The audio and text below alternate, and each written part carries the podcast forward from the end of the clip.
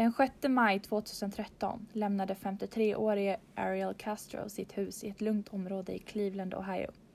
En stund senare fick en av grannarna, Charles Ramsey, syn på en kvinna genom ett hål i Castros ytterdörr som skrek på hjälp.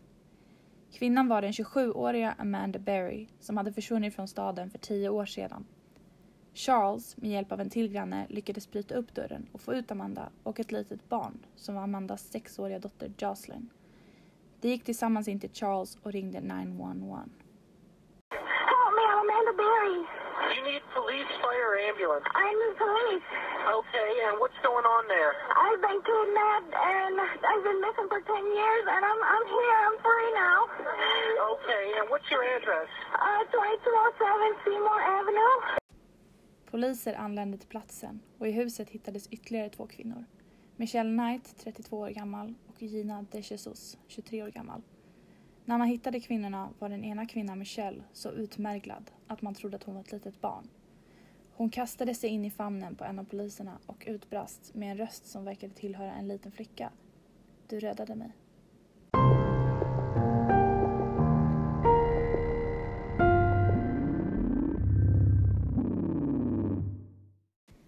Hej och välkomna tillbaka till säsong 4 på skräckturnén med Julia och Elin.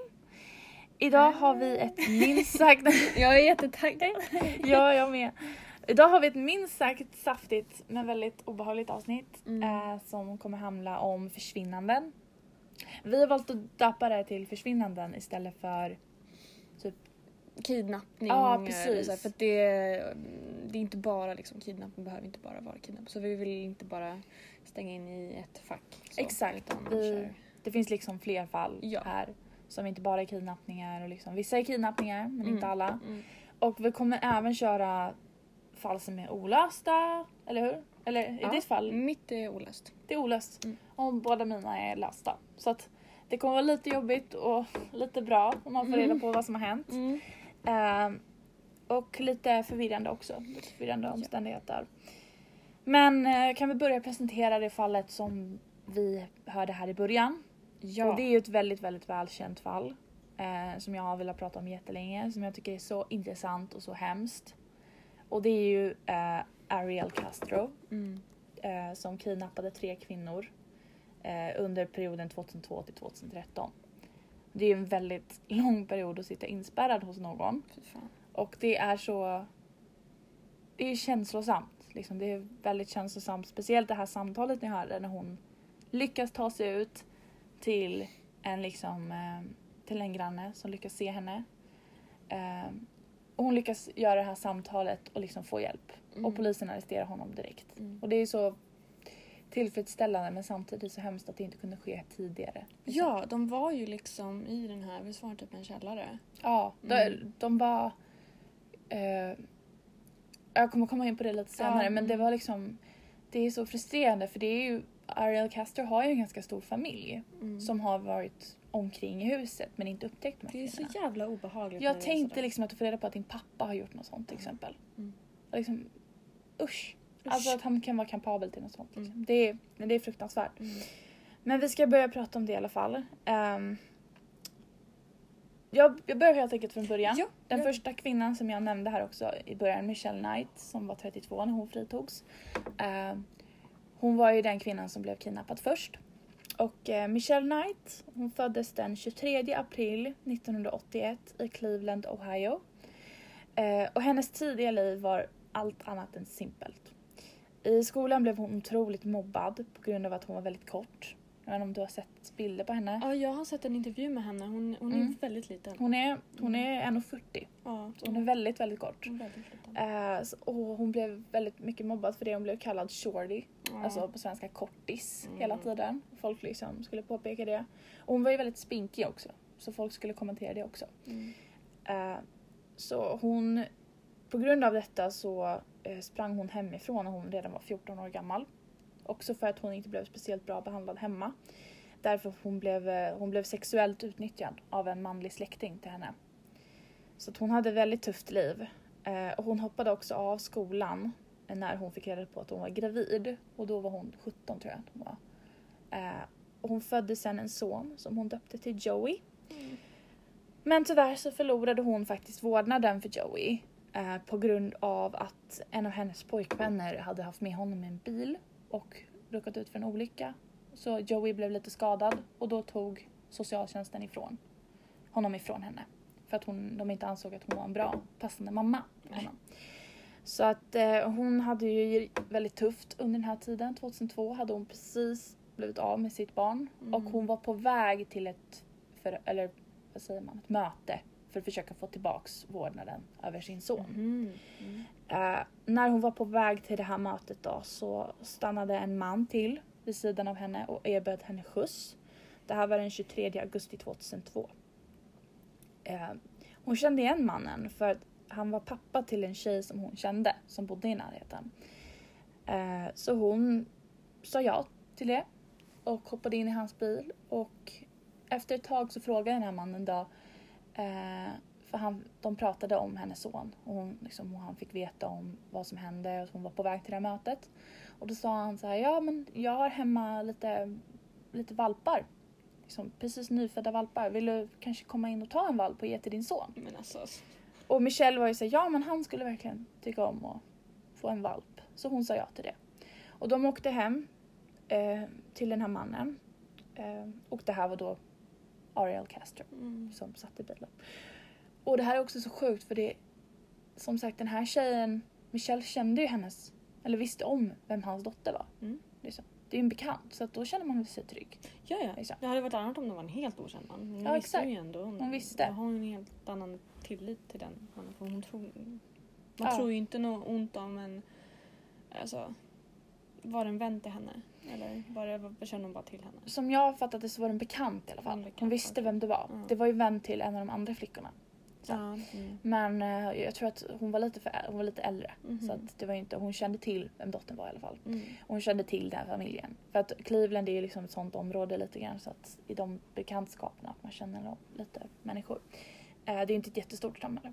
Och Ariel Castro var ju eh, känd som en väldigt trevlig man. Alla tyckte om honom. De tyckte att han var snäll, hjälpsam man och ja, ingen hade någonting ont att säga om honom. Så att hon såklart satte sig i hans bil och accepterade den här. Eh, väl inne i hans hus så band han fast henne väldigt fort. Han slog ner henne, band fast henne och våldtog henne. Han fängslade sedan fast henne i ett instängt rum i sitt hus och låste dörren. Eh, och det här är lite hemskt men hon hade ju en lite komplicerad relation med sin familj. Så de anmälde ju henne försvunnen efter ett tag. Men sen tänkte de så här, "Men hon har ju rymt, hemifrån förut. Hon har säkert bara rymt. Mm. Nej, hon, det var för mycket för henne. Hon rymde. Och polisen slutade leta henne efter henne också. Mm. För att familjen sa så men det är säkert inget. Det, hon, är, det är liksom, hon har bara sprungit iväg. Så polisen la ner och tog bort liksom, att hon var saknad. Fy fan.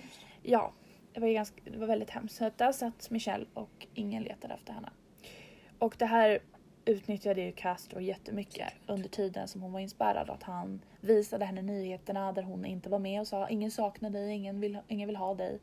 Eh, och du är bara min nu för ingen vill ha dig. Liksom sådana där saker. Så han retade henne vidrigt. och hånade henne regelbundet. Så att hon försökte, han försökte bryta ner henne liksom. Mm. Men hon är otroligt tuff den här kvinnan. Så hon lät inte honom trycka ner henne Mhm. vilket är fantastiskt. Men i alla fall, den första tiden som hon var fången hos honom så band han fast hennes fötter och händer och lämnade henne flera dagar utan mat. Så under de här 11 åren så var hon utan mat jätte, jätte ofta. Så det var ju därför hon var så utmärglad när polisen hittade henne. För att han, han ville svälta henne. Eh, och han liksom utnyttjade henne, han ja, våldtog henne varje dag. Jätte, jätte ofta. Eh, och under den här tiden då så fick hon ju använda plasthinkar som toaletter. Som tömdes ibland, inte så ofta. Eh, hon fick äta en gång per dag och fick duscha två gånger i veckan som mest. Om ens det. Eh, och under tiden hon var fången hos Castro så blev hon ja, så ofta våldtagen att hon blev gravid hela fem gånger. Men varje gång så fick hon missfall på grund av att Castro eh, misshandlade henne. Så att hon fick missfall. Eh, och han slog henne ibland så hårt att numera så är hon döv på ena örat och har nedsatt syn så hon behöver ha glasögon. Eh, och under tiden hon var i huset så fick hon flera brutna revben samt skador på muskler och leder. Och hennes skador säger läkarna eh, efter att hon lyckades rymma och läkarna undersökte henne liknar något vid en krigsfånge. Så att det är väldigt grovt. Alltså det är ett brutna ben som inte har alltså, läkt korrekt och sådana grejer. Men året därpå i alla fall, 2003 då, så kidnappade han en annan flicka. Eh, Amanda Berry föddes den 22 april 1986 och likt Michelle så växte hon också upp då i Cleveland. Amanda var väldigt älskad av familj och vänner som ung. Hon ska ha varit väldigt energisk och ett väldigt snällt barn och haft en ja, väldigt, väldigt bra uppväxt. Eh, som tonåring så jobbade hon på en lokal Burger King eh, och en dag då under 2003 så kom hon aldrig hem från jobbet. Och det var då på, på grund av att Ariel Castro den 22 april erbjöd Amanda skjuts hem från jobbet. Så det här var ju då dagen innan hennes födelsedag. Eh, och hon kände också igen honom som pappan till en av hennes bekanta. Mm. Så hon sa ja. Eh, ganska snabbt, eftersom att det var hennes födelsedag då, så anmälde hennes mamma Luana Miller eh, Amanda som försvunnen. Eh, polisen trodde först att hon hade rymt hemifrån men plötsligt fick eh, mamman då ett anonymt samtal där mannen sa Jag har Amanda, hon mår bra och hon kommer komma hem om några dagar. Flera program tog upp Amandas fall, eh, bland annat America's Most Wanted. Både 2005 och 2006 så pratade de om henne. Mm. The Oprah Winfrey Show tog upp henne. eh, The Montel Williams Show. Och under det här programmet då, The Montel Williams Show, så var det en, den självutnämnde mediumet eh, Sylvia Brown som 2004 sa till Amandas mamma att hon var död. Jaha. Ja, ett medium som bara, men jag känner av att hon är Men död. gud. Vilket gjorde såklart hennes mamma helt förkrossad. Ja. Eh, och är otroligt dumt när Ja. den här kvinnan lever. Liksom. Och sannolikheten kanske säger då att Amanda är död. Ja men, Men det- man ska fan inte gå och säga det men så, ah, jo men hon är död. Man, Alltså snälla någon. nej, det, är liksom, det vet man inte. Nej. Och de fortsatte ju leta efter henne. Mm. Jätte, jättelänge. De här, hennes föräldrar, de gav inte upp. Mm. Eh, så att när hon blev kidnappad då, hon fick ju leva under ungefär, ungefär samma omständigheter som Michelle. Förutom att eh, Amanda blev ju snabbt Castros favorit. Mm. Så att han, sval, han liksom inte gav eh, Michelle mat men han gav Mm. Amanda bra mat istället. Och hon fick duscha oftare och han sa snälla saker till henne medan han bara tryckte ner. Och så visade han på tvn också så hur mycket folk letar efter Amanda och bara "Ah, ingen kommer någonsin leta efter dig. Du är värdelös. Så det, han är en hemsk man. Fan vilken vidrig jävla äckel. Väldigt äckligt. Ehm, och under 2004 också så kidnappade Castro då den tredje kvinnan. Uh, Georgina, eller Gina, Lynn de Jesus. Gina föddes den 13 februari 1990. Så hon var eh, nio år yng- yngre än vad Michelle var. Mm. Eh, och försvann på väg hem från skolan som 14-åring. Gina kidnappades då på samma sätt som de andra genom att hon kände igen Castro och det här var då pappan till en av hennes kompisar. Arlene som gick i samma skola som henne. Och hon trodde att eh, Castro skulle hämta upp henne och köra hem henne till henne för de bodde ganska nära varandra tydligen. Men istället så tog hon hem till hans skräckhus där Amanda och Amanda, eller Michelle redan fanns. Ingen såg när hon blev bortrövad då det var ganska öde. Eh, och ingen så kallad Amber alert. Och vet du vad en Amber alert Mm, är? mm. Eh, för de som inte vet i alla fall så står det för America's Missing eh, Broadcasting Emergency Response. Så att det är någonting som gör om någon är meddelad eller liksom skickas ut till radiokanaler och tv-stationer när ett barn har blivit bortförd i Mm. Nordamerika. Just det. Så detta utfördes inte, vilket gjorde Ginas pappa väldigt förbannad. Han sa sedan under en intervju 2006 eh, att Amber alert borde utfärdas för alla saknade barn oavsett om de är en kidnappning eller att barnet har rymt hemifrån. Så alla beh- barn behöver hittas. Verkligen. Verkligen, så han har ju rätt för det. Och efter det här så har ju liksom, ja men de har verkligen tryckt på att den här lagstiftningen behöver förändras. Så att alla barn letas efter. Liksom. Och det är ju otroligt viktigt, även om de har sprungit hemifrån så måste de hittas så att Det är familjerna fortfarande vet. ett barn. Exakt. Liksom de, hon var ju bara 14 år stackarn. Mm. Så att ett år efter Ginas försvinnande så släppte FBI en sketch i alla fall på hur den misstänkte mannen kunde se ut baserat på signalement. Så jag antar att det är någon som har sett någonting, ett vittne.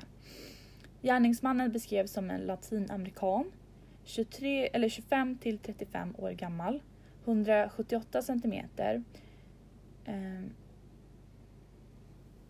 eh, 84 kilo eh, ungefär med gröna ögon och getskägg. Det här var då signalementet. Enligt senare rättegångsuppgifter så var eh, på Castro då så är han 170 centimeter. Han väger eh, 180 kilo. Det kan inte stämma. Vad har jag skrivit här? Ja, men han, 108 kanske?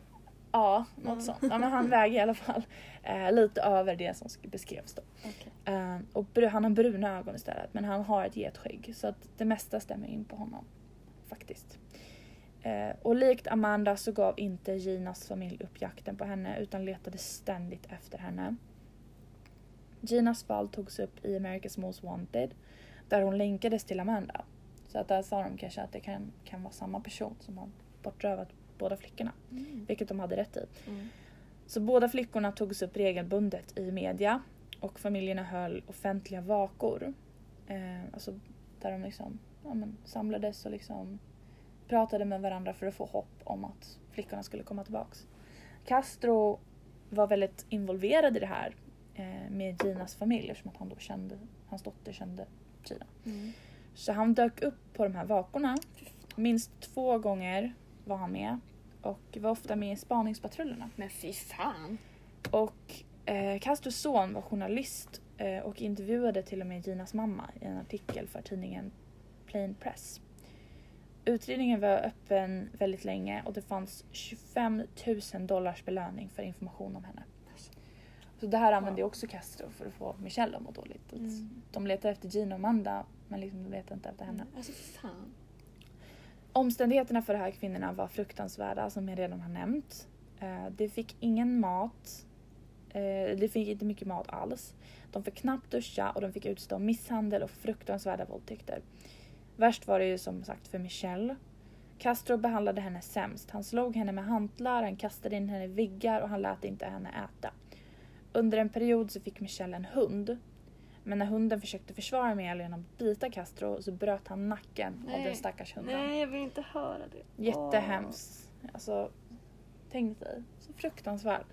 Det var det enda liksom hoppet hon hade där inne. Och så. Nej, usch. 2006 så blev Amanda, eh, som tydligen ska ha varit Castros favorit som jag redan sa, eh, gravid. Och hon skulle föda barnet på juldagen samma år. Och Michelle fick förlösa barnet. Och han sa till henne att om inte, hon, eh, om inte barnet överlevde så skulle han döda henne. Så det var Michelles ansvar. Det skedde en uppblås, uppblåsbar plastpool uppe i det här rummet. Och under en stund så slutade barnet att andas. Men Michelle lyckades då åter- återuppliva henne, vilket var bra. Castro tog ut eh, barnet i allmänheten ibland, men då sa han att det var hans barnbarn. Och inför sina barn så sa han att det var hans flickväns barn från ett tidigare förhållande. Så han lyckades dölja det här ganska bra. Poliser var i Castros hem en gång mellan 2003 och 2013. Eller 2002 och 2013. För en orelaterad fråga. Ehm, men däremot var inte Castro hemma vid denna tidpunkt. Och enligt grannar då efter, hen, alltså efter att allt det här har skett så säger de att de har ringt till polisen flera gånger för att de har hört konstiga ljud. Men polisen säger att de inte har fått några sådana här samtal alls. Så där vet man inte vad som är sant.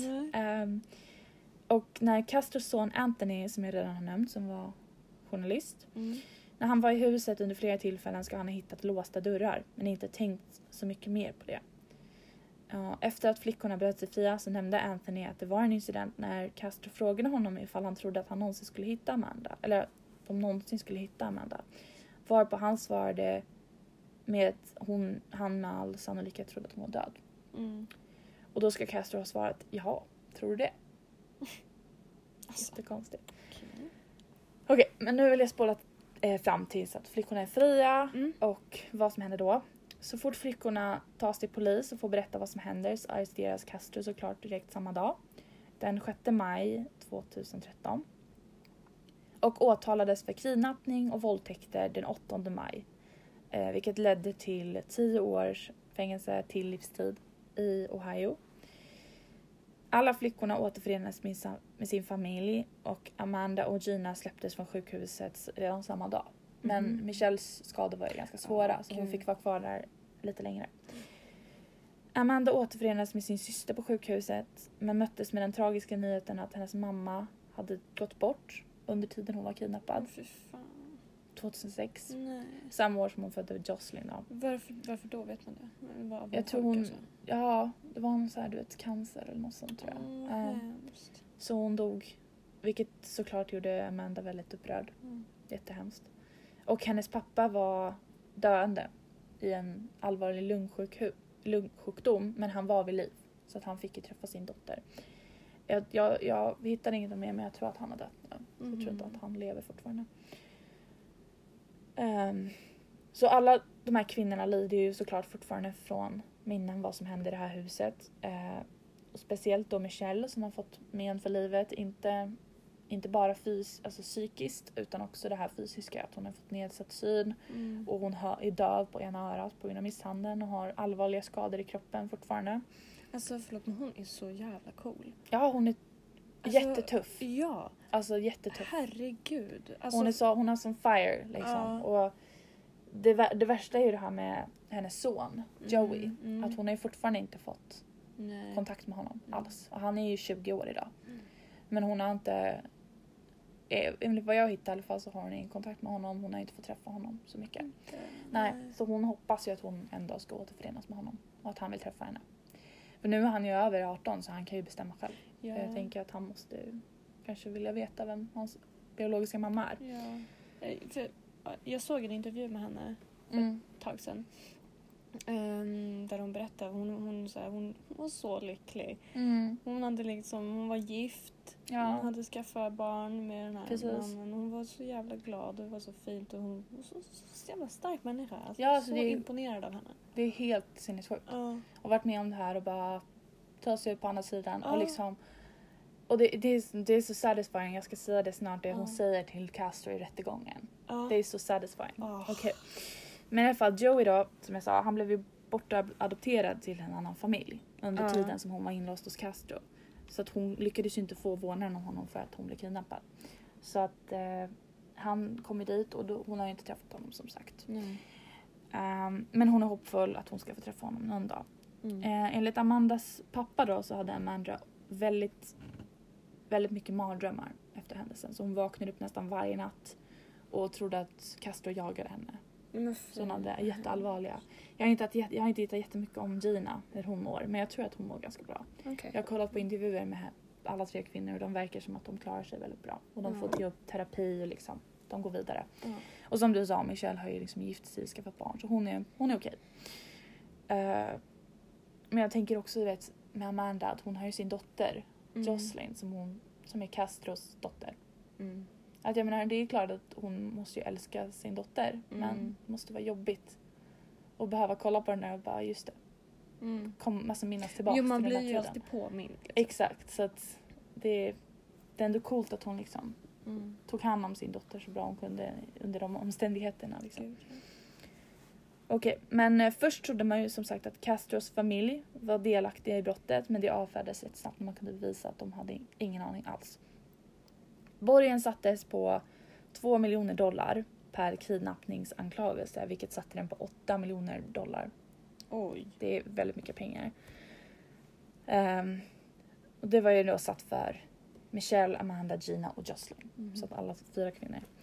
Den andra brotten han blev åta- åtalad för var grovt vållande till annans död genom att orsaka Michelles flera missfall. Mm. Mordförsök, misshandel, våldtäkter och ett kidnappningsåtal för varje, kvinnor, varje dag som kvinnorna var fängslade.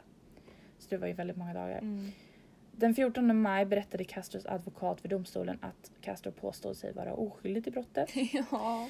Och anklagelsen mot honom ändrades fram och tillbaka. Eh, men han påstod sig vara oskyldig till allt. Han sa inte att han var skyldig till någonting. Nej. Och han sa också i rätten att han är ingen hemsk man.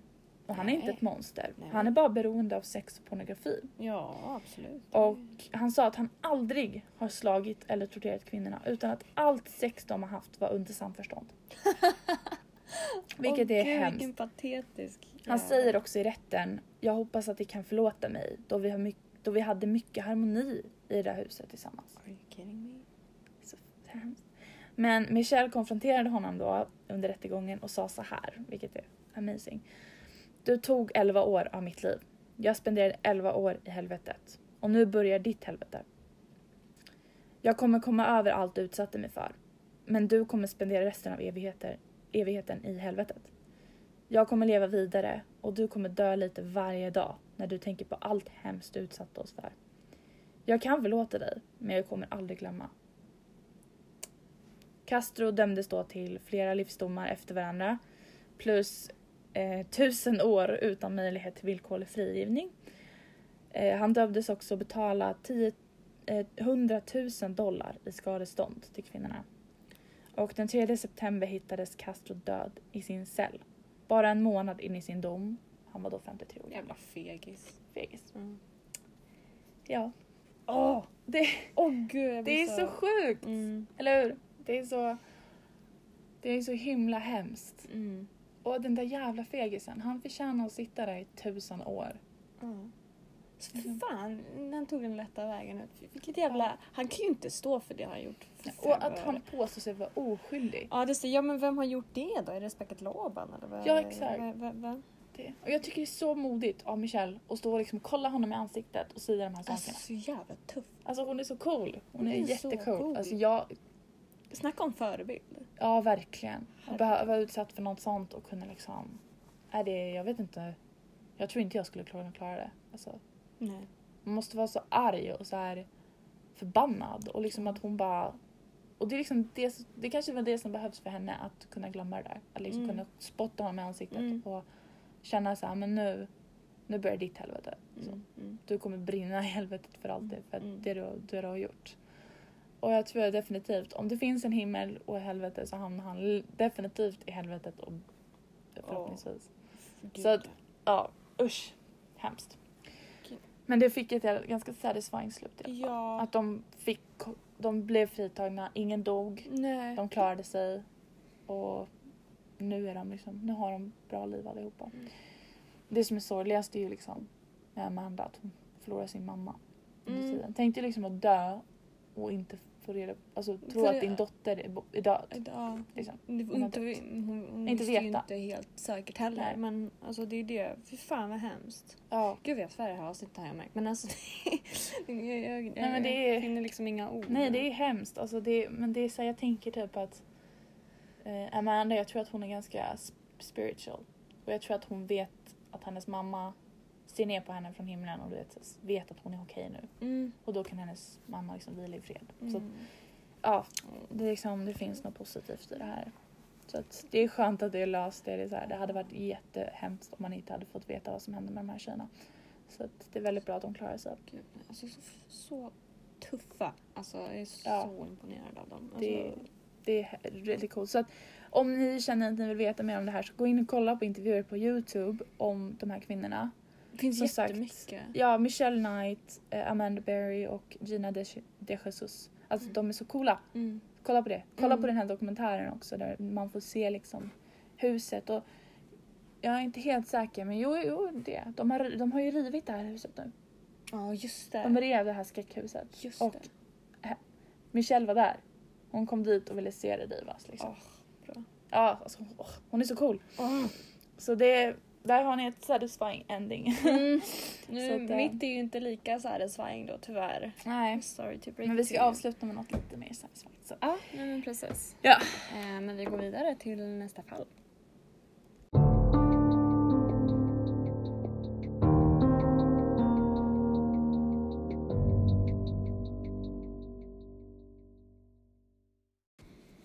Ja, men jag kommer då berätta om ett fall som jag har tänkt på jättelänge.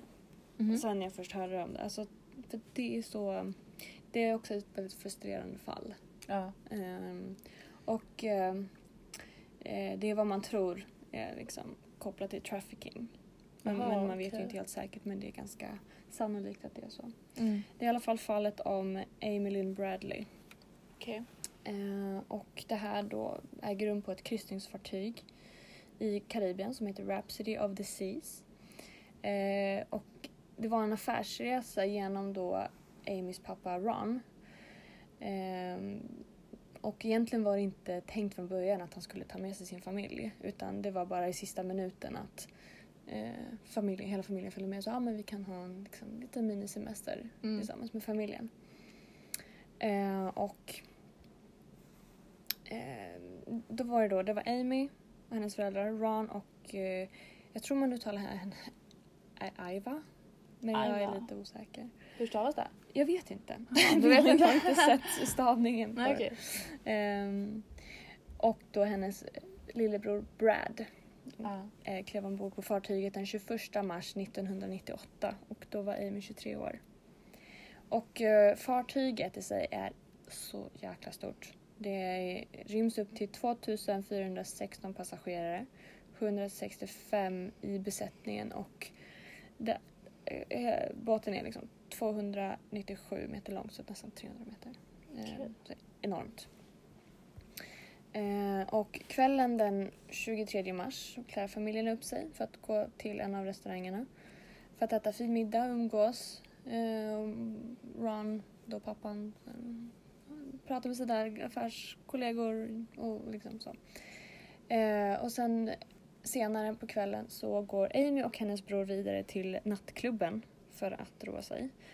Eh, och just den här kvällen då så eh, spelar ett liveband eh, vid namn Blue Orchid. Eh, eh och- under kvällens gång syns Amy dansa med en av bandmedlemmarna som kallade sig Yellow. Eh, och det finns även ett videoklipp som visar detta. Eh, och i de klippen så står de och dansar ganska närgånget och man ser ganska tydligt att Amy är ganska påverkad. Hon har ju druckit under hela kvällen så att Mm. Ehm, och det här är då de sista livstecknen på henne. Och jag visade dig de här innan nu. Så att Ja. du har ju sett dem. Och man Så. kan, man kan gå in och kolla på dem på Youtube om man vill. Det är lite bisarrt namn på den. Ja, det Men, men, eh, ja men precis. Ehm, Amy Bradley compilation. precis, det låter lite fel. Ja. Men det är ju då en samling av olika videoklipp så det är väl därför det heter compilation. Mm. Eh, och vid 2.45 eh, natten den 24 mars så vaknar Amys pappa upp och märker att varken Brad eller Amy har kommit tillbaka från nattklubben. Eh, han bestämmer sig då för att gå ner till klubben och där ser han då bland annat Brad dansa med några random tjejer. Eh, Amy Eh, hon stod då och umgicks med Jelle och eh, resten av eh, det här bandet då, Blue Orchid. Ehm, och Ron pappan, eh, går tillbaka till hytten och somnar om. Sen en, runt en timme senare, 3.45, då kommer Brad tillbaka till hytten och man tror att Amy kommer ungefär 15 minuter senare. Eh, därefter ska hon och Brad suttit ute på balkongen. Eh, och den är helt privat så det, Till rummen. det är till rummet precis så Mm. det finns ingen tillgång för någon annan att komma upp på den balkongen så den är liksom helt privat. Okej. Eh, och de satt där ute och pratade en stund om kvällen, de pratade om havet, de pratade om det de skulle göra i eh, Curaçao dagen efter. Eh, de skulle bland annat eh, snorkla. Ehm, och eh, pappa minns även då att han bad Amy släcka lampan i badrummet. Och eh, då, då har han ändå sett henne gått in i hytten, eh, släckt lampan och gått tillbaka till balkongen. Eh, och efter ett tag bestämde sig Brad då för att gå och lägga sig och han sa godnatt till Amy, sa att han älskade henne och då gick hon och la sig. Hon sa då till honom att hon skulle gå in strax därefter men det här var då sista gången han såg henne. Och vid 5.30 vaknade Ron och då kunde han se Amy sitta kvar på balkongen. Eh, Han såg då bara hennes ben men det var ju liksom, det var ju hon. Eh, han antog då bara att hon råkat somna och då lät han henne sova vidare bara utan att säga något. För de skulle ändå upp ganska tidigt dagen efter för att då upptäcka Curacao och liksom, ja, ha en härlig dag där. Eh, och vid 6.00, alltså bara en halvtimme senare, så vaknar han i Ron upp igen och då är Amy borta. Så det här är bara en halvtimme senare.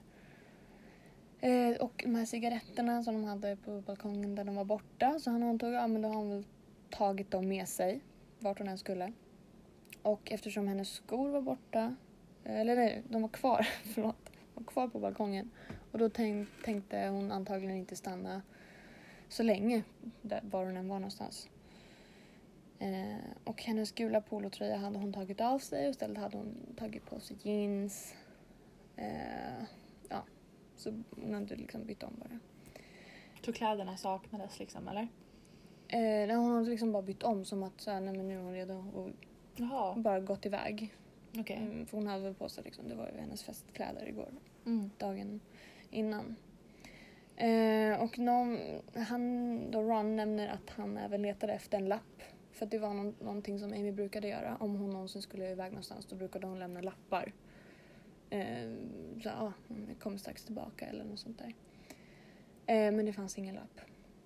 Så det tyckte han då var lite konstigt. Men han antog kanske att hon bara hade gått ut på däck, tagit en kaffe, gått promenad. Du vet, alltså folk på kryssningar de gör ju det. Alltså folk är ute hela tiden och går Ja. och så. Så det är inte så konstigt att man går iväg. Det är ju en båt liksom. Eh, och han letade efter henne då i över en timme. Överallt på båten men hon fanns ingenstans. Eh, och det var då han började bli riktigt orolig. Och då sprang han tillbaka till hytten och väckte då mamma Iva och Brad. Eh, och familjen fortsatte leta och de kontaktade även kaptenen och berättade att Amy var försvunnen. Eh, och då hade båten precis anlänt till Curaçao bara en halvtimme innan Amys försvinnande. Och eh, de hade inte släppt av eller på folk ännu. Så alla som var på båten kvällen innan skulle alltså vara kvar där. Så att man vet det liksom. Ehm, ingen har gått av. De bad kaptenen att alla ombord skulle hålla sig till eh, the muster stations. Jag hittade ingen bra översättning på svenska. Men det är ju då ställen på ett fartyg eh, där man ska samlas eh, beroende på vilken, vilket däck man bor på Ja, okej. eh, i nödsituationer. Mm. Eh, men det här... Så det är så här markeringar på golvet så att man, ja, man vet det. Och på det sättet skulle man kunna hålla koll på varenda passagerare. Så om hon hade blivit kidnappad eller liknande så skulle, så skulle de inte få någon chans att stiga av fartyget såklart. Men det märkliga är att han, kaptenen gick inte med på det. Han avfärdade det helt. Han bara nej. Va? Han vill inte oroa passagerarna i onödan. Nej. Mm. Eh, och han vill inte ens gå ut med att Amy var försvunnen. Jättesketchy. Vilken idiot. Ja, men precis. Eh, men fartyget genomsöktes väldigt noggrant eh, i alla fall, sägs det. Eh, men det slarvades då för att man hade redan börjat släppa av folk innan genomsökningen var komplett. Så jävla onödigt. Nej. Ja. Och eh, mitt uppe i allt så kommer basisten då från igår, Yellow, fram till Brad, hennes bror, och säger, eh, jag citerar. Hey man, sorry about your sister. Va? Alltså då, ja tjena, eh, jag är mm, Ledsen för din ledsen. syster? Ja men precis. Och det här är ju jättemärkligt för de hade ju inte gått ut med att hon var försvunnen än. Men gud. Mm. Eh, så det är jättekonstigt att han skulle gå fram och säga det till, till Brad. Men varför he- kallas han Yellow? Är det för att de inte har hans identitet? Jo, han heter eh, Alistair Douglas. Jaha. Men han kallade sig själv Yellow. Jag Det var någon här slang. Har... eh. Men gud, Mm, vad knäppt. mm, jättesjukt. Och det är klart då, det här gör ju att familjen reagerar lite såhär what the fuck. Eh, hur som helst, tusentals människor går av båten. Familjen får panik. Var är Amy? Och eh, alltså liksom, var ska de leta någonstans? Ska de leta på båten? Ska de leta på ön? Ska de gå av? Liksom avbryta resan? Alltså de vet ingenting. Eh, och många har även spekulerat i om hon kanske har hoppat eller ramlat ner från balkongen. Ehm, och så landat i vattnet. Ja, Mm. precis. Men den här teorin är ganska svag för att hon hade inte några som helst anledning till att hoppa. Ja. Eh, för det första, hon var livrädd för havet. Hon vågade knappt stå nära relingen. Jaha. Hon, var livrädd. Även var hon en så här eh, utbildad, eh, vad heter det? Alltså sim, simmare, simtränare. Jaha. Ja. Ändå var hon livrädd för vatten. Ja. Så det är lite intressant. Eh, och för det andra så skulle hon precis då efter semestern börja på nytt jobb. Eh, och hon hade skaffat en hundvalp och liksom det, det gick ju bra för henne. Så hon Ja. hade ingen anledning att liksom avsluta sitt liv. Men hon kanske, hon kanske ramlade. Precis. Eh, men då eftersom hon, hon, hon aldrig vågade gå nära ens relingen så är det ganska Jo, det osannolikt. sant. Eh, Sant. absolut möjligheten finns men Hon kanske man blev tror. puttad. kanske. Ja, så jag ska inte avbryta. Eh, men eh, till slut då så eh, begär kaptenen att familjen antingen stannar då på ön Mm. eller följer med vidare. Eh, och liksom, vad gör man i den situationen? För att man vet inte var sin dotter är någonstans. Alltså, ja, är hon på ön? Är hon på båten? Alltså, Mm. och de tror ju att den här båten är genomsökt. Alltså, till, alltså helt noggrant. Ehm, så att de bestämmer sig, ja men då, då stannar vi för då kanske, de, då kanske hon, har, hon kanske är någonstans på ön. Mm. Ehm, så att eh, de eh, följer inte med då. De eh, stannar på ön och checkar in på ett hotell.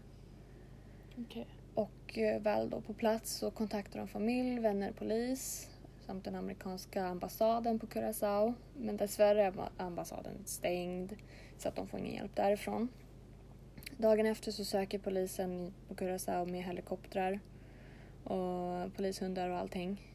Ehm, ehm, de letar överallt, över hela, de bara rent av liksom finkammar hela ön. Mm. Ehm, och... Eh, nu ska vi se. Eh, mamma Aiva, eh, hennes bror John kontaktar även FBI i USA. Och det visar sig då att eh, genomsökningen inte alls var så noggrann som de sa där på båten. De hade bara, de hade bara letat på de allmänna platserna så de hade inte gått in i några hytter eller någonting. Alltså det är så jävla onödigt. Hur kan de inte ta det på allvar? Nej, de bara gjorde det halvdant. Nej, det är... Mm. Det är det och då blir ju de, de har ju trott att den här båten, det fanns ingen chans att hon var kvar på den här båten. Så det var ju därför de klev av, annars hade de inte klivit av antagligen. Nej. Eh, tillsammans med FBI så reser de då till fartygets nästa stopp, vilket var Saint Thomas. Ja. Ja. Och då konfronterar de kaptenen och FBI får tillåtelse att genomsöka hela båten på nytt. Men såklart utan resultat eftersom det nu har gått flera dagar Mm. eh, sedan hon försvann och för det här laget kan hon ju vara var som helst. Mm. Eh, Yellow, eller då Alistair Douglas, eh, han blev intervjuad av eh, FBI och fick göra så här lögndetektortest.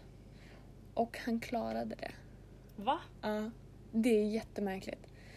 Eh, för han, han var ju jättesketchy med hela den här. Går fram till Brad och säger, säger sådana där saker. Men det kan ju också vara, Ehm. du vet, om man är riktigt bra lögnare Mm, så kan man ju lyckas passa det där precis. Mm. Det är sant. Det betyder inte, behöver inte betyda att han är oskyldig liksom. Nej, absolut inte. Eh, men under intervjun där så han ändrade ju sin historia och sa att nej, han har aldrig sett Amy, han har aldrig umgåtts med henne, han har aldrig gått fram till Brad och sagt det där. Mm. Ehm, men det var ju då flera vittnen och de är fångade på videokamera eh, Mm. när de står och dansar. Ja, Han ljuger ju. Ja, ja, han ljuger ju. Helt klart.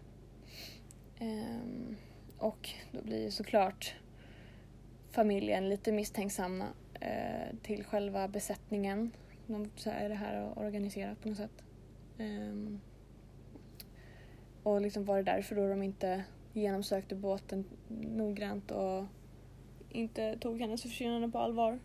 Kan man ju tycka att så här, ja, Mm. kanske. De kanske vet om att sånt här händer. Mm, precis. Usch. Det är det. Och eh, ni vet alla de här, alltså när man åker kryssning, så när man går igenom den här långa, eh, vad det nu är, vad ska man kalla den? Innan man kommer till själva fartyget så går man igenom Ja. den här en lång gång. Ja. Eh, och då brukar de ju stå och ta bilder. ja. Eh, och grejen var att eh, alla bilder togs ju då på alla passagerare. Men då alla Amys bilder var helt borta. Och det var bara på henne. Bara hennes bilder som var borta, ingen annans. Va? Ja. Det är jättemärkligt. Mm. Precis. Eh, för mig så låter det här lite som ett traffickingfall och det, för, alltså, Mm. och det är typ det största, den största teorin här. Och det kommer även lite mer bevis på att det antagligen är så. Nej, Mm. vad hemskt. Jättehemskt. Eh, den 28 mars kommer familjen hem utan Amy och utan några som helst ledtrådar var hon kan vara någonstans. Eh, och eh, det sorgliga är också att de litade ju på FBI att de gjorde sitt jobb. Eh, men efter åtta månader kom det fram till att de inte hade gjort ett skit. De hade inte gjort någonting. Hade de inte gjort något? Nej, Inte ens kollat? nej. De hade inte gått vidare med någonting. Nej. Mm. De Jag tänker svek verkligen månader. Amy. Ja. Alltså så Så hela systemet svek verkligen Amy. Stackarn. Mm. Liksom. Hon kanske var fast på något, jobb, något rum där. Ja. Ingen letade efter henne.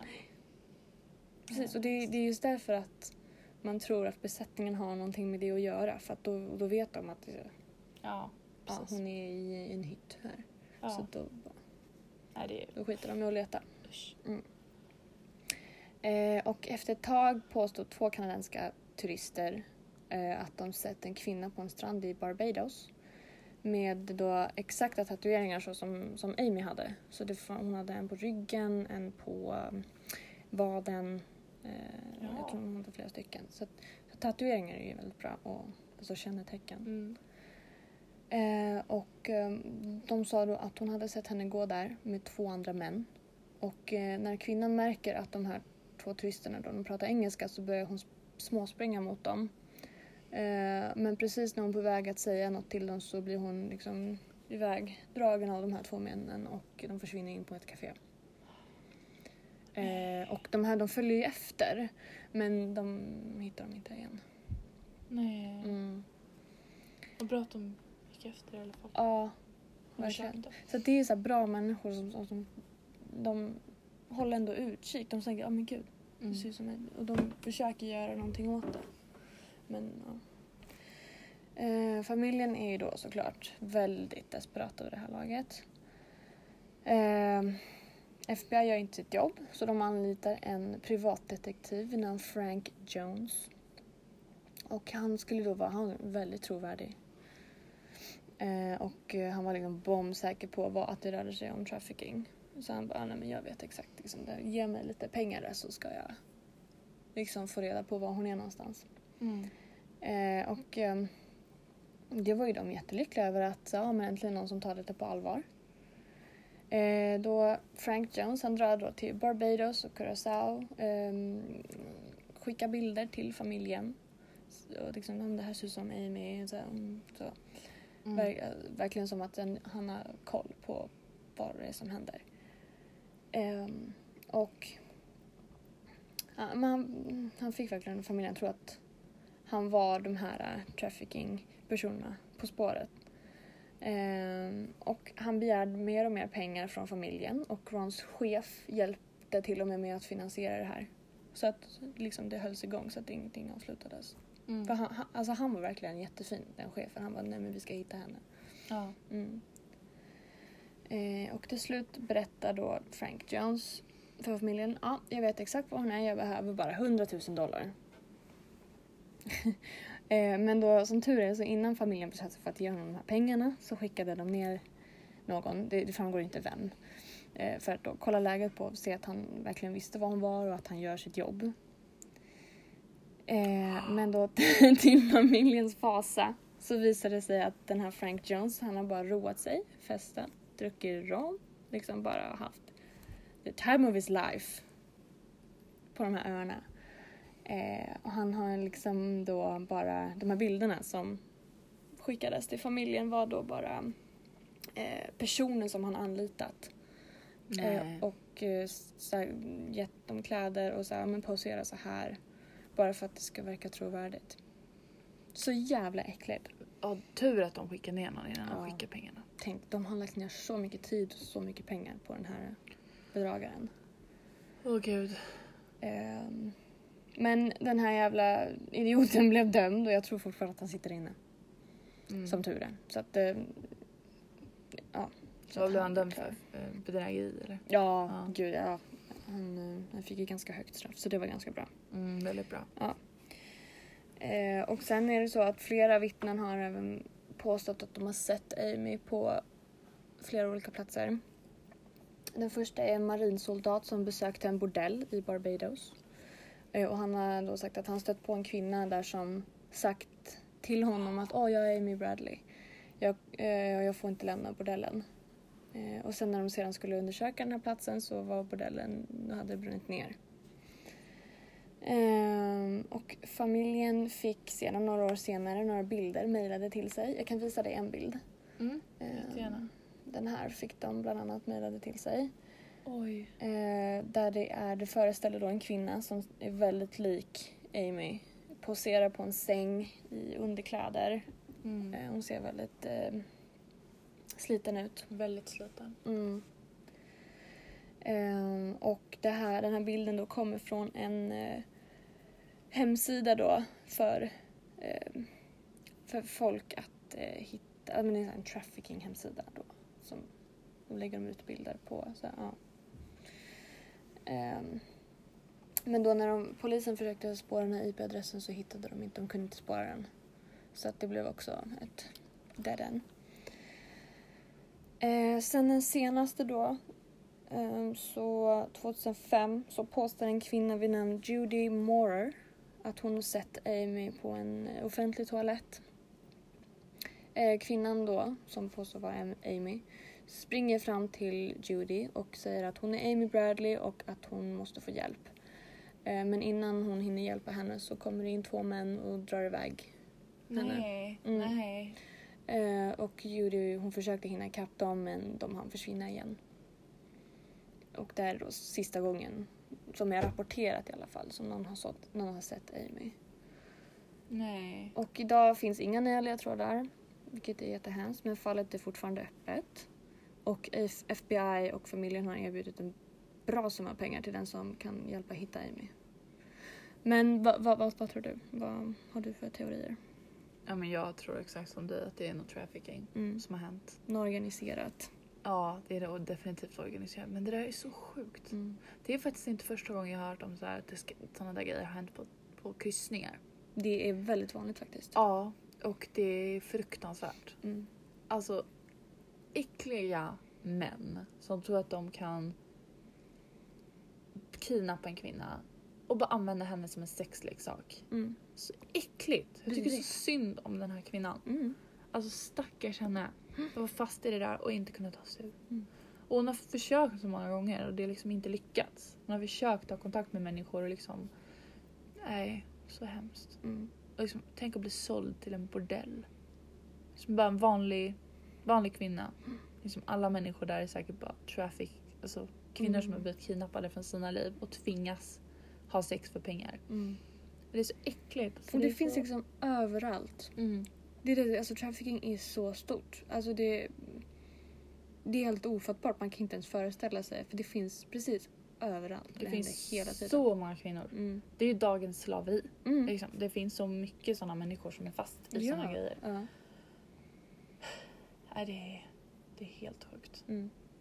Nej, jag tycker det, det är hemskt. Jag hoppas verkligen någon dag att man får veta mer. Men det här påminner mig nästan som en så här, kvinnlig version av Johnny Gosh. Mm. Mm. För att här, man har, man har, man har liksom fått bilder på honom och man har hört vittnen om att han är vid liv liksom. Men man Mm. vet inte vart han är. Och han ska också då bli såld till trafficking. Liksom. Och det är hemskt. Vidrigt alltså. Hoppas det löses någon dag. Mm, verkligen. Alltså det finns ju fortfarande hopp men det här är ändå väldigt... Alltså det här är... Fan. Hur länge sedan är det här? 22 år sedan? 22 år sedan. Ja. Men det, det finns alltid hopp. För det, i det här fallet jag tänker ta upp nu så finns det, det finns hopp för att lösa det. Liksom äntligen. Och det här det skedde, det skedde liksom 96 och nu i år har man lyckats hitta någon bevis på att man vet vem det kan vara. Ooh, Så vi kanske ska hoppa till det direkt efter. Vi kör. Vi hoppas på att Amy återfinns Mm. men eh, vi får gå vidare än så länge.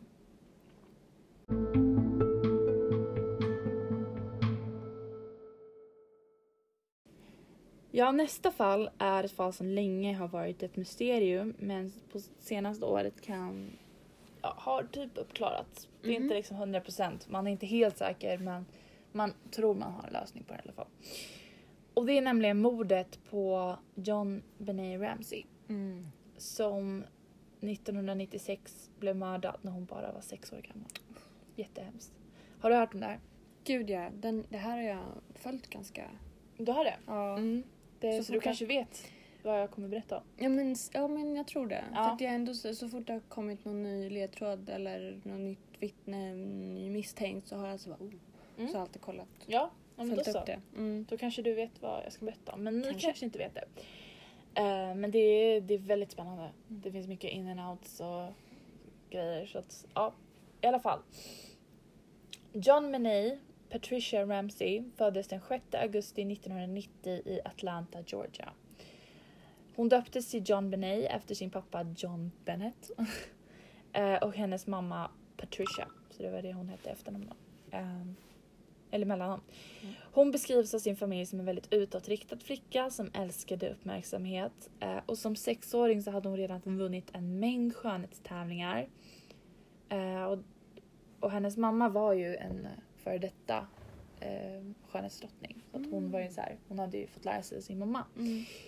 Hennes pappa var en väldigt rik affärsman. Eh, så de levde ju välstånd kan man minst sagt säga.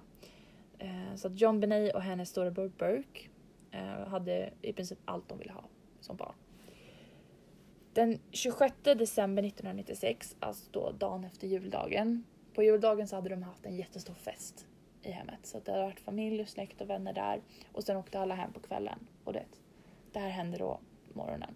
Ehm, då vaknade John och Patricia upp i deras hem i Boulder, Colorado och upptäckte att deras dotter saknades från sin säng.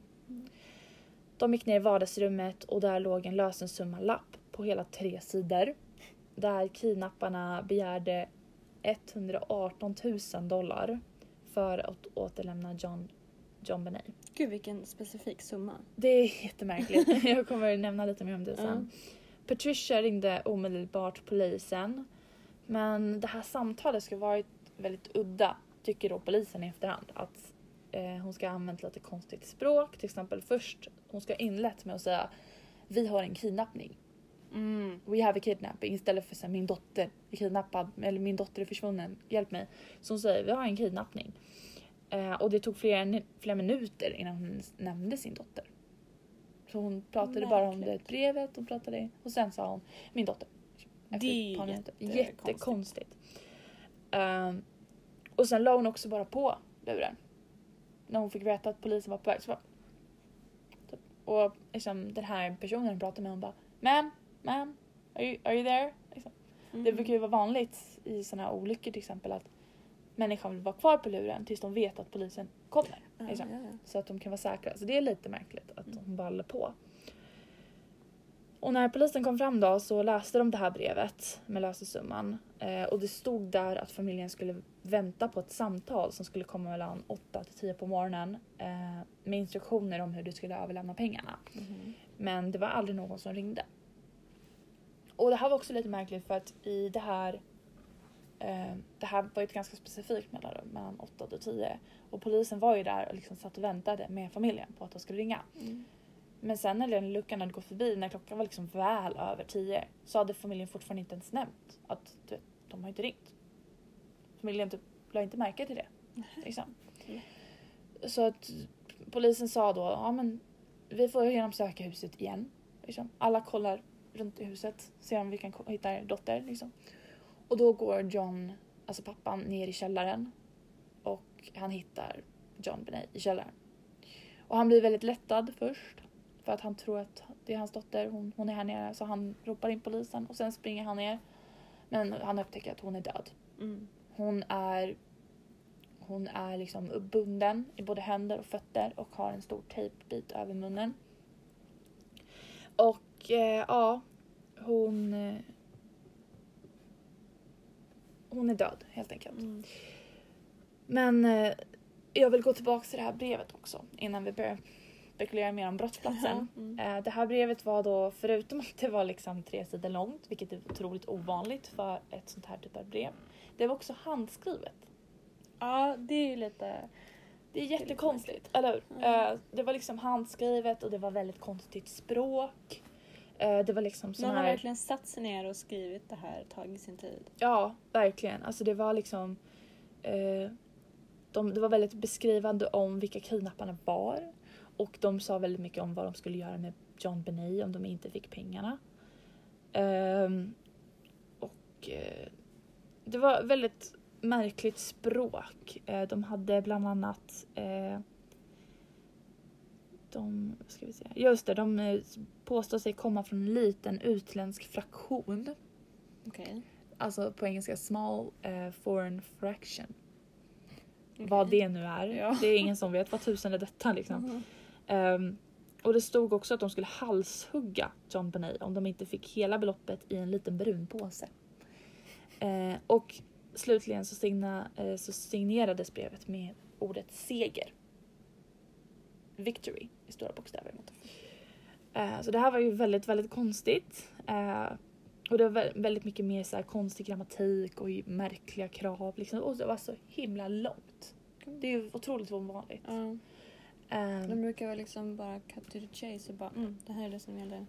Ja, och, så, Inte hålla på. och som du sa då med summan. Mm. Det är en väldigt konstig summa. Mm. Men det som är intressant med det här det är att den, det är den exakta summan som John, pappan då, fick i julbonus tidigare under månaden. Mm. Och det här kan ju då tyda på två saker. Antingen så visste kidnapparna att han hade fått så här mycket bonus och de, de visste att han hade så mycket pengar. Men han, han var ju också en väldigt rik affärsman så det skulle Ja. inte vara konstigt om han har lite över de här pengarna. Så Nej, varför kan man inte begära 200 Ja, 000? varför? liksom? Ja, exakt. Jättekonstigt.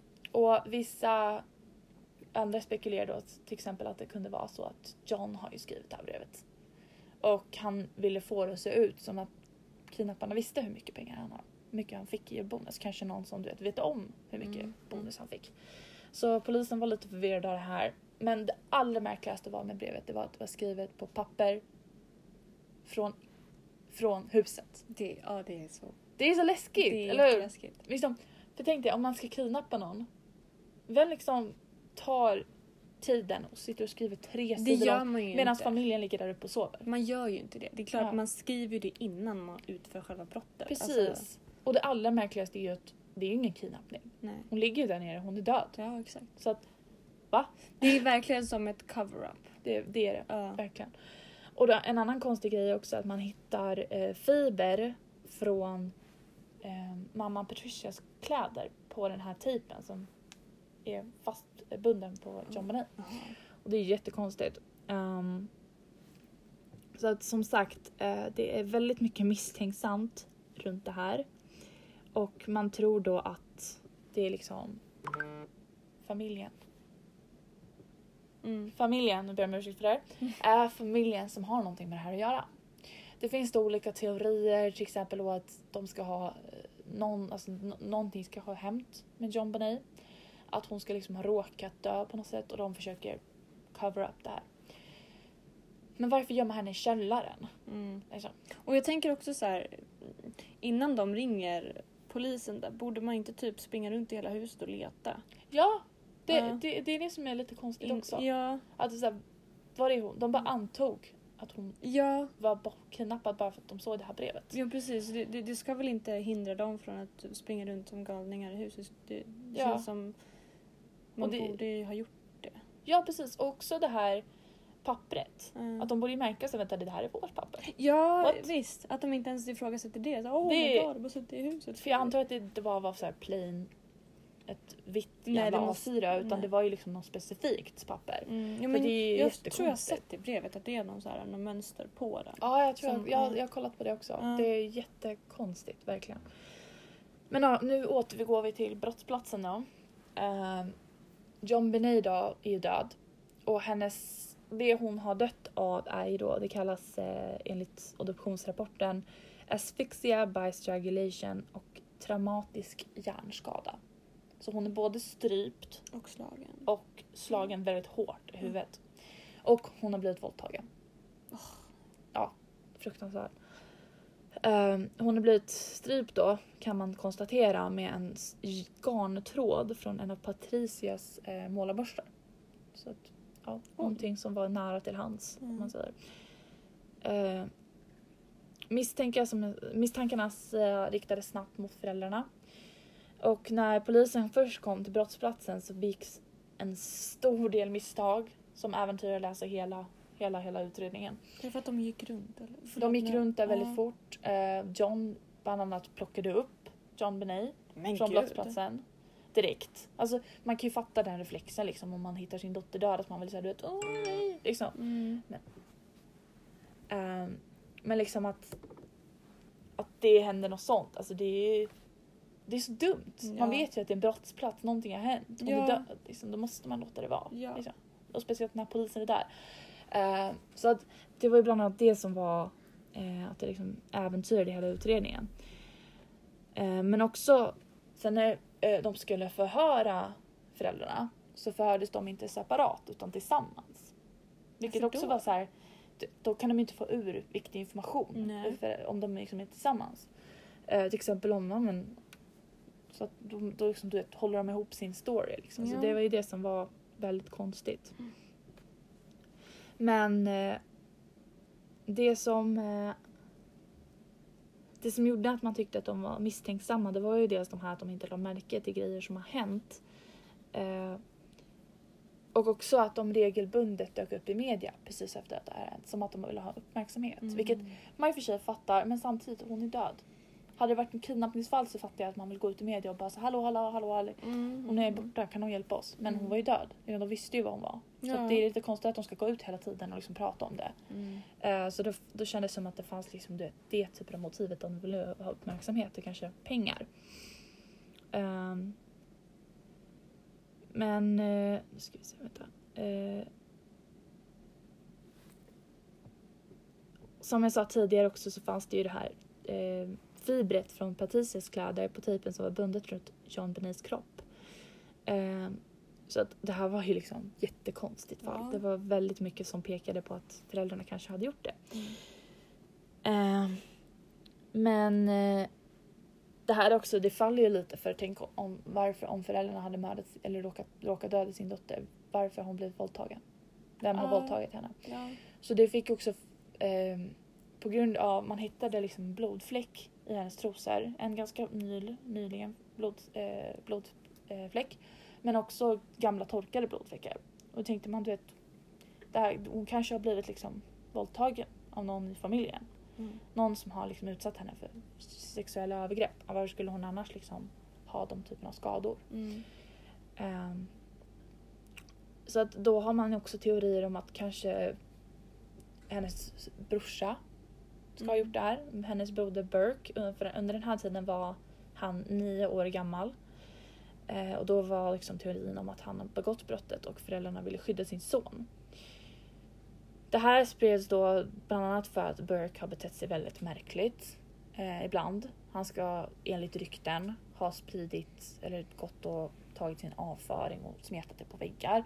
Han ska ha slagit, och det kan man bekräfta, att han har slagit sin syster i huvudet med en klubba en gång. Mhm. Sen vet man inte hur hårt liksom. Men, eh, och också sen en märklig grej att man hittar sen i obduktionsrapporten, alltså i hennes mage så finns det ananas. Mm. Och den här ananasen fanns ju i en skål i kylskåpet. Med Berts fingertryck på skålen. Men det här kan ju också förklaras av många andra saker. Att de liksom kvällen innan har ätit ananas och han har också ätit ananas. Alltså det behöver inte vara något sånt. Eh, men som sagt, det här är bara teorier. Det finns inget bevis på att han har gjort någonting. Och polisen har aldrig haft honom misstänkt för han var nio år Mm. det här brottet. Så även om han har begått det så är han ju liksom Mm. väldigt liten. Så att Mm. teorierna säger att det skulle kunna vara en olycka och föräldrarna försöker liksom. Ja, men Cover up precis. Ja. Så att ja, men polisen har aldrig misstänkt honom. Som sagt, det vill jag liksom göra klart. Att han inte är misstänkt. Det är bara en teori. Exakt. 2016 så gjordes en intervju med Burke Ramsey eh, i Dr. Phil. Där han för första gången sedan mordet berättade om sin sida om vad som hade hänt. Många tyckte i efterhand att det såg ut som att han ler. Har du sett den intervjun? Ja, jag har sett den. Jag försökte hitta så här bra klipp från det och visa upp men Mm. det, alltså, man måste kolla på hela för att liksom fatta. Han sitter och ler. Ehm, vilket många tyckte var väldigt, väldigt konstigt. Men psykologer har liksom i efterhand sagt att ja, men han har en min som tyder mer på att han är obekväm. Mm. Och Dr. Phil eh, kommenterar också efterhand när folk, han hade liksom, hört att folk har kommenterat att Burke ler.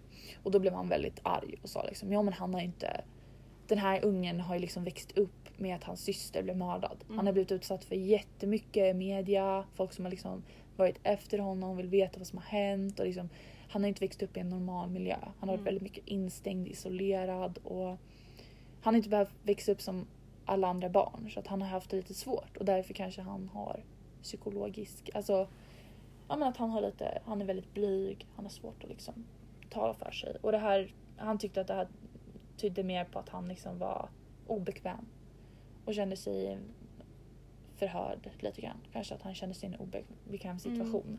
Mm. Eh, vilket jag också kan köpa för man, du vet man kan ju le i väldigt obekväma Ja, situationer. och jag tror inte så här, om han så här visste att han hade mördat eh, sin syster då tror inte jag att han skulle sitta och le. Nej, vem skulle göra det? Ja. Så här, Nej, men jag har mördat min så- syster. Mm. Ja men exakt. Nej. Nej, nej det Så tror jag att- absolut inte. han, jag tror bara att han är, han är liksom begränsad social kapacitet Ja. vilket gjorde att han gjorde det så här. Och hans pappa eh, John har också sagt i intervjuer att Burke är en väldigt blyg kille. Mm. Han har alltid varit det. Han är inte bekväm med sådana situationer. Det finns eh, ytterligare eh, misstänkta omständigheter vid brottsplatsen. Eh, Det fanns ett trasigt fönster i källaren där John Benet hittades och ett fotavtryck utanför det. Mm. Och fotavtrycket var då på en ja, kuvertväska, typ en resväska. Mm. Ehm, därför kan det ha varit möjligt att någon har brutit sig in. Och som sagt, det var ju en fest kvällen innan. Det kan ju varit att någon brutit sig in och sen bröt sig ut exempelvis. Mm. Däremot är det lite märkligt för det finns ett spindelnät som sträckte sig över hela fönstret och det här har ju inte blivit förstört. Vilket tyder på liksom att det, det känns inte som att någon har tagit sig ut. För Nej. att då hade det varit förstört. Pappa John säger också att eh, på kvällen då innan så har han råkat förstöra fönstret. Så det, var liksom, det hände innan. Det var ju inte någonting som hände. Eh, så det är ju lite konstigt. Så här, Vad, vem förstörde fönstret och när hände det? Ehm, Eh, Men vart kom fotavtrycket ifrån då? Eh, Den här resväskan som hittades eh, sa John och Patricia att de aldrig har sett förut. De, de vet inte var den kommer ifrån.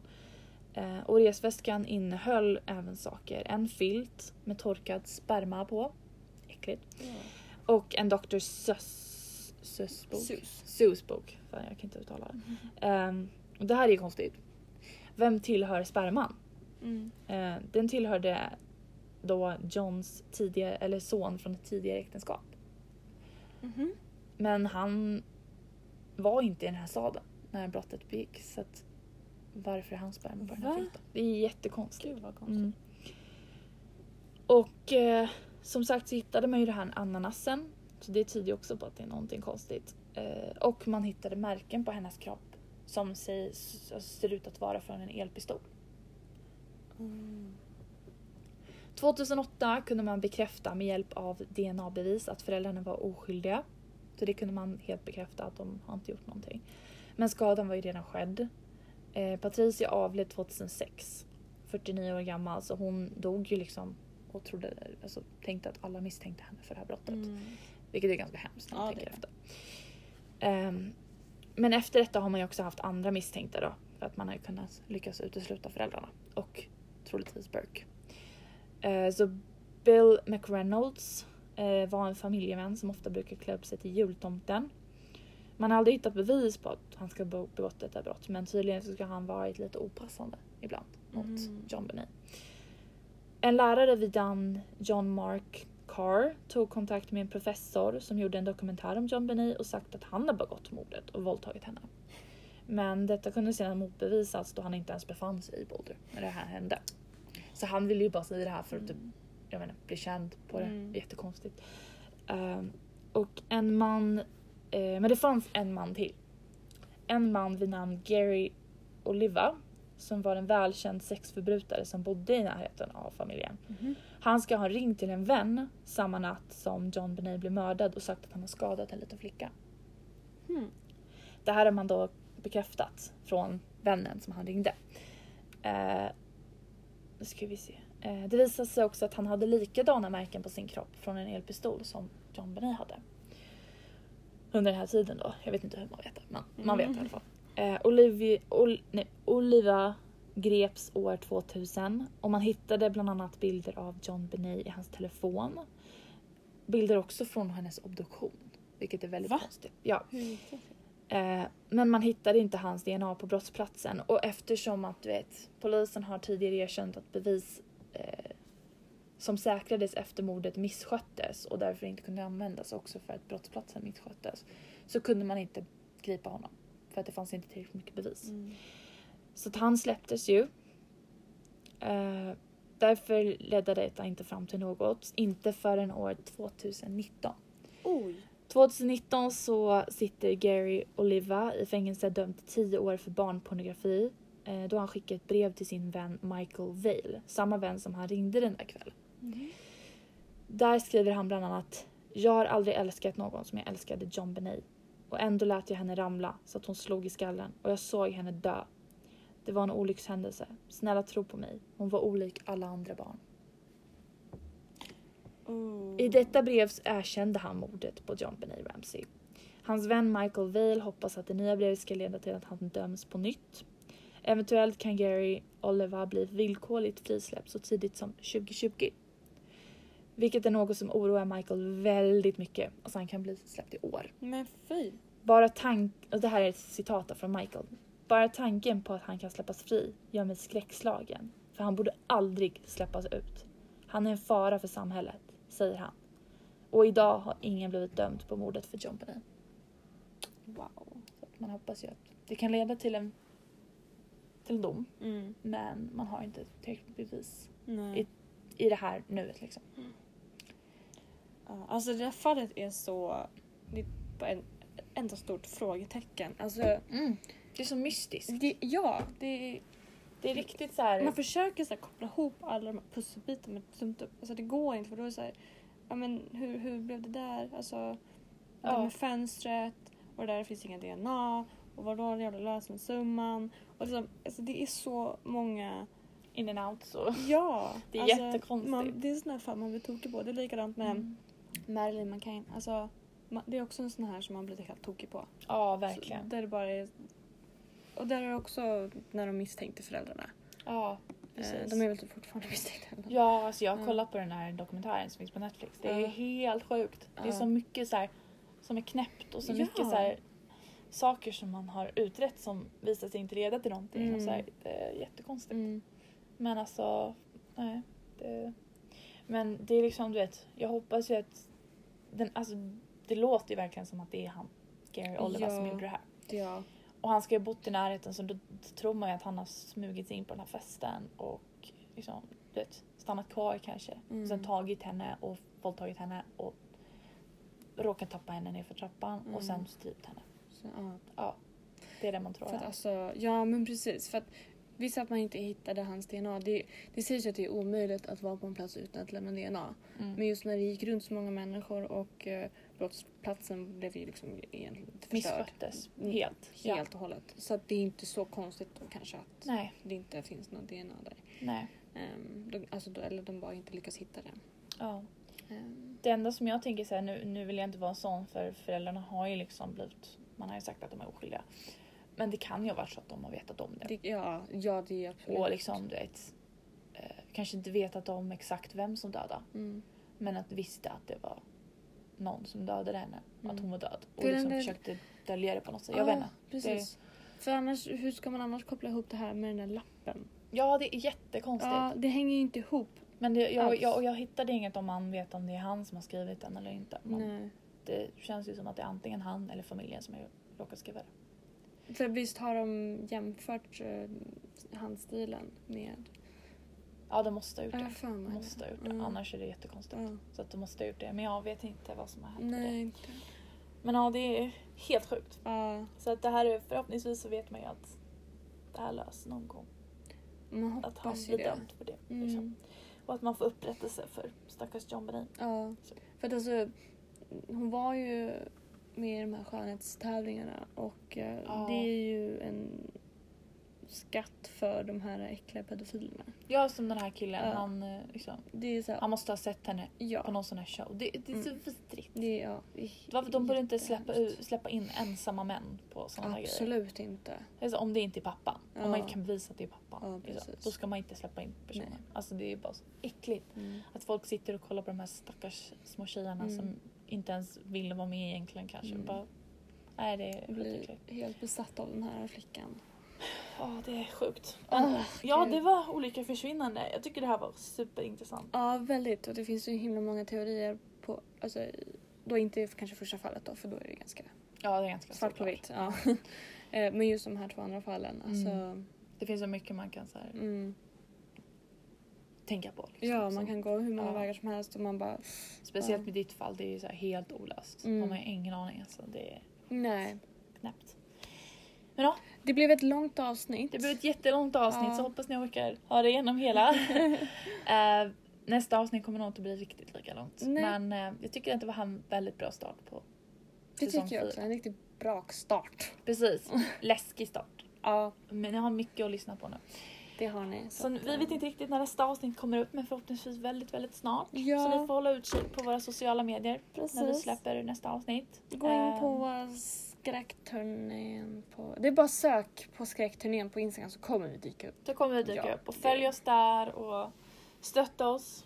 Lyssna på våra podcasts på Mm. Spotify. Kommentera Eh, som vanligt. skicka DMs och Ja, om ni har några förslag vad ni vill höra. Vi är öppna för förslag. Liksom. Vi ska göra en helt ny säsong så vi har väldigt mycket öppningar för nya ämnen. Så det är bara att höra av er om ni har någonting som ni vill höra. Mm. Tack för att ni har lyssnat. Tack så hjärtligt. Och tack Julia för Ja. intressanta fall. Ja, tack Elin för intressant fråga. Och ni får ha ett fortsatt bra 2020 Ja. så hörs vi snart. Ja, hejdå! Hej då!